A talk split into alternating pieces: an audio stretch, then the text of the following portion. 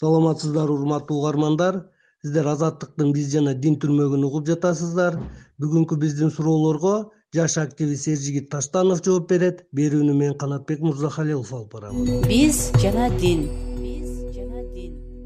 Эржигит мырза өзүңүз билгендей эле акыркы жылдары өлкөдө диндин таасири күчөп коомдо социалдык жатташуу бөлүнүп жарылуу улуттук салттарды жерүү тенденциялары орун алууда диний көз караштар жаштар арасында күчөгөн учурда алардын тандоосу кайсы багытка бурулууда динге ыктаган системагабы же светтик коомгобу совет доорунга чейин дагы эгемендүүлүк алганга чейин дагы кыргыз эли улуттук салт санааларыны ошо динге ыкташтырып дин чөйрөсү менен биргеликте түзүлдү десек дагы жаңылбайбыз да себеби кийим кийим кечеги сүйлөөсү кыймыл аракети ошол дин менен биргеликте куралган десек да болот да бул салт санаалары дин менен биргеликте жаралган деп айтсак да болот. А бирок кээ бирки шариятка туура келбеген же болбосо орто жерден пайда болуп калган салт санаалардын жоюлуу процесси болду десек туура келет. Э, себеби дин болгон жерде өзүнүн корректировкаларын киргизет. Өзүнүн корректировкаларын жасайт десек да болот. Андан кийин жаштар бүгүнкү күндө светтик коомго же болбосо диний багыттар боюнча кетип атабы ал ошол жергиликтүү элет жеринде жашаган э, жаштардын мисалы тандоолору э, элүү элүү пайыз болуп бара жатат десем болот туура келет. Себеби тандоо эки жактуу болуп атат. Бүгүнкү күндө дагы э, жаштар өз тандоолорун акыл калчап көрүп жасашат элет жаштарынын келечек багыттарын тандоодо диний көз караштар роль ойнойбу? Ооба сөзсүз түрдө роль ойнойт. Бир гана элет жаштардын эмес бүтүндөй жаштардын тандоосунда э, келечегин тандоосунда мисалы э, динди карманган даражасына байланыштуу роль ойноп кете берет. Мисалы кээ бирки э, диндерде арам адал деген нерселер бар. Мисалы пайыз пайыз маселеси ислам дининде пайызга акча берүү пайызга акча алуу деген багыттарга бул арам деп айтылат. Бул деген э, орус тилинде айтканда под запретом андыктан ошол багыттар боюнча мисалы э, окууга тапшырам десе дагы э, туура багытты тандап элине зыян келтирбеген элине пайда алып келип өнүктүрчү багыттарга багыттарды гана тандоого Э, багыттайт деп айтсам болот.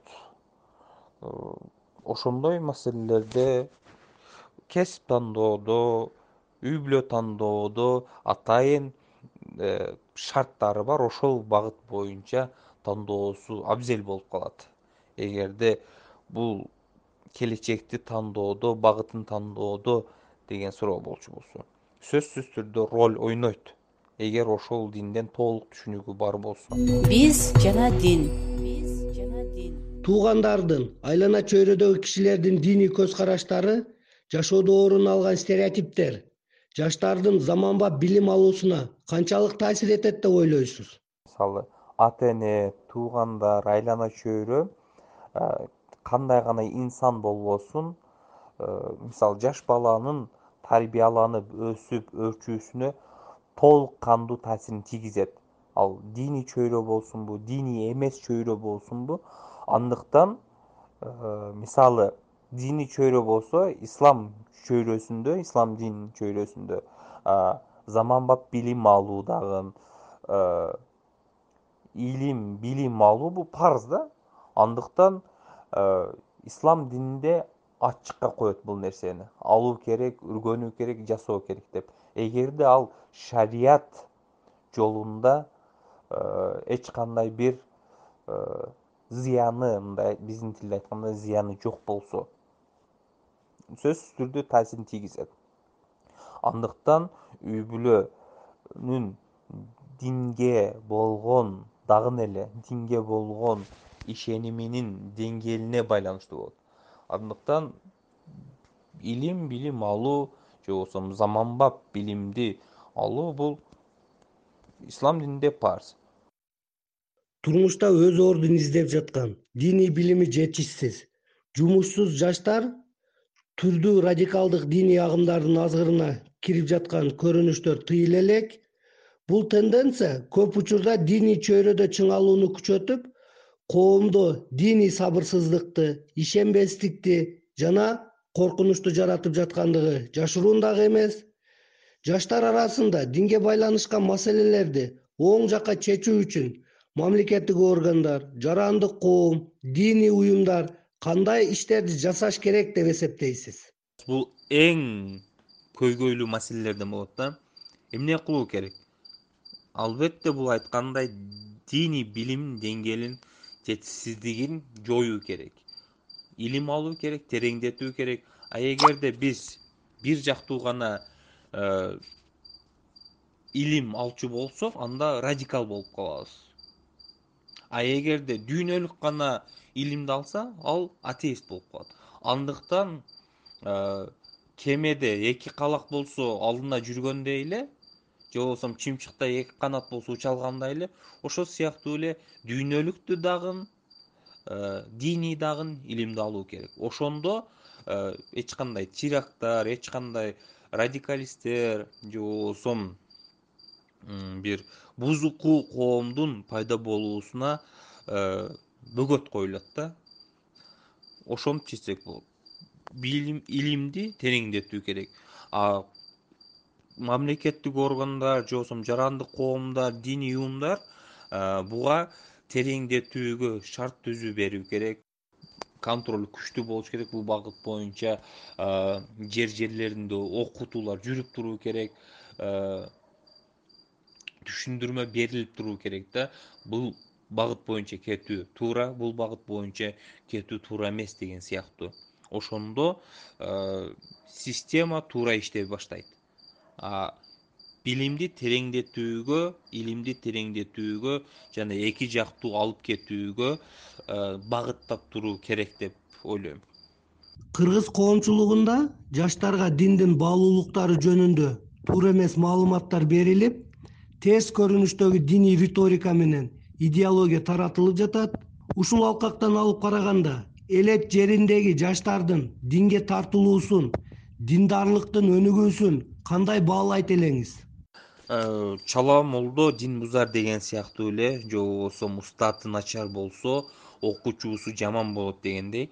Эгерде биз устатты же болбосо маалымат берүүчүнү тандабастан өзүбүздө илим болбосо тандабастан бизге берген э, кашаны жута беребиз да. Андыктан анын даамын да билбейбиз тузун да билбейбиз ачуусун да ширинин да таттуусун да билбестен ала беребиз андыктан өзүбүздө дагы бир маалымат болуш керек анализдөө керек э, туура айтып атабы туура эмес айтып атабы э, биздин баалуулуктарга туура келеби анализ чыгарып туруп бир маалыматты алууну үйрөнүшүбүз керек биринчи орунда. Андан кийин элет жериндеги жаштардын динге тартылуусу э, ошол берген устаздарына жараша болуп кете берет. Эгерде кандайдыр бир деңгээлде туура түшүндүрсө кээ бир жердин жаштары диндар кээ бир жердин жаштары э, көп динге э, динге байланган эмес деп айтсак болот. Ал динге тартылуусу э, орто темп менен гана өнүгүп жатат десем жаңылбасам керек. Биз жана дин урматтуу угармандар сиздер азаттыктын биз жана дин түрмөгүнүн кезектеги чыгарылышын уктуңуздар. Диний көз караштар жаштардын тандоо мүмкүнчүлүгүнө кандай таасир этет деген маселенин алкагындагы суроолорубузга жаш активист эржигит таштанов жооп берди. Берүүнү мен канатбек мырзахалилов алып бардым. Саламатта калыңыздар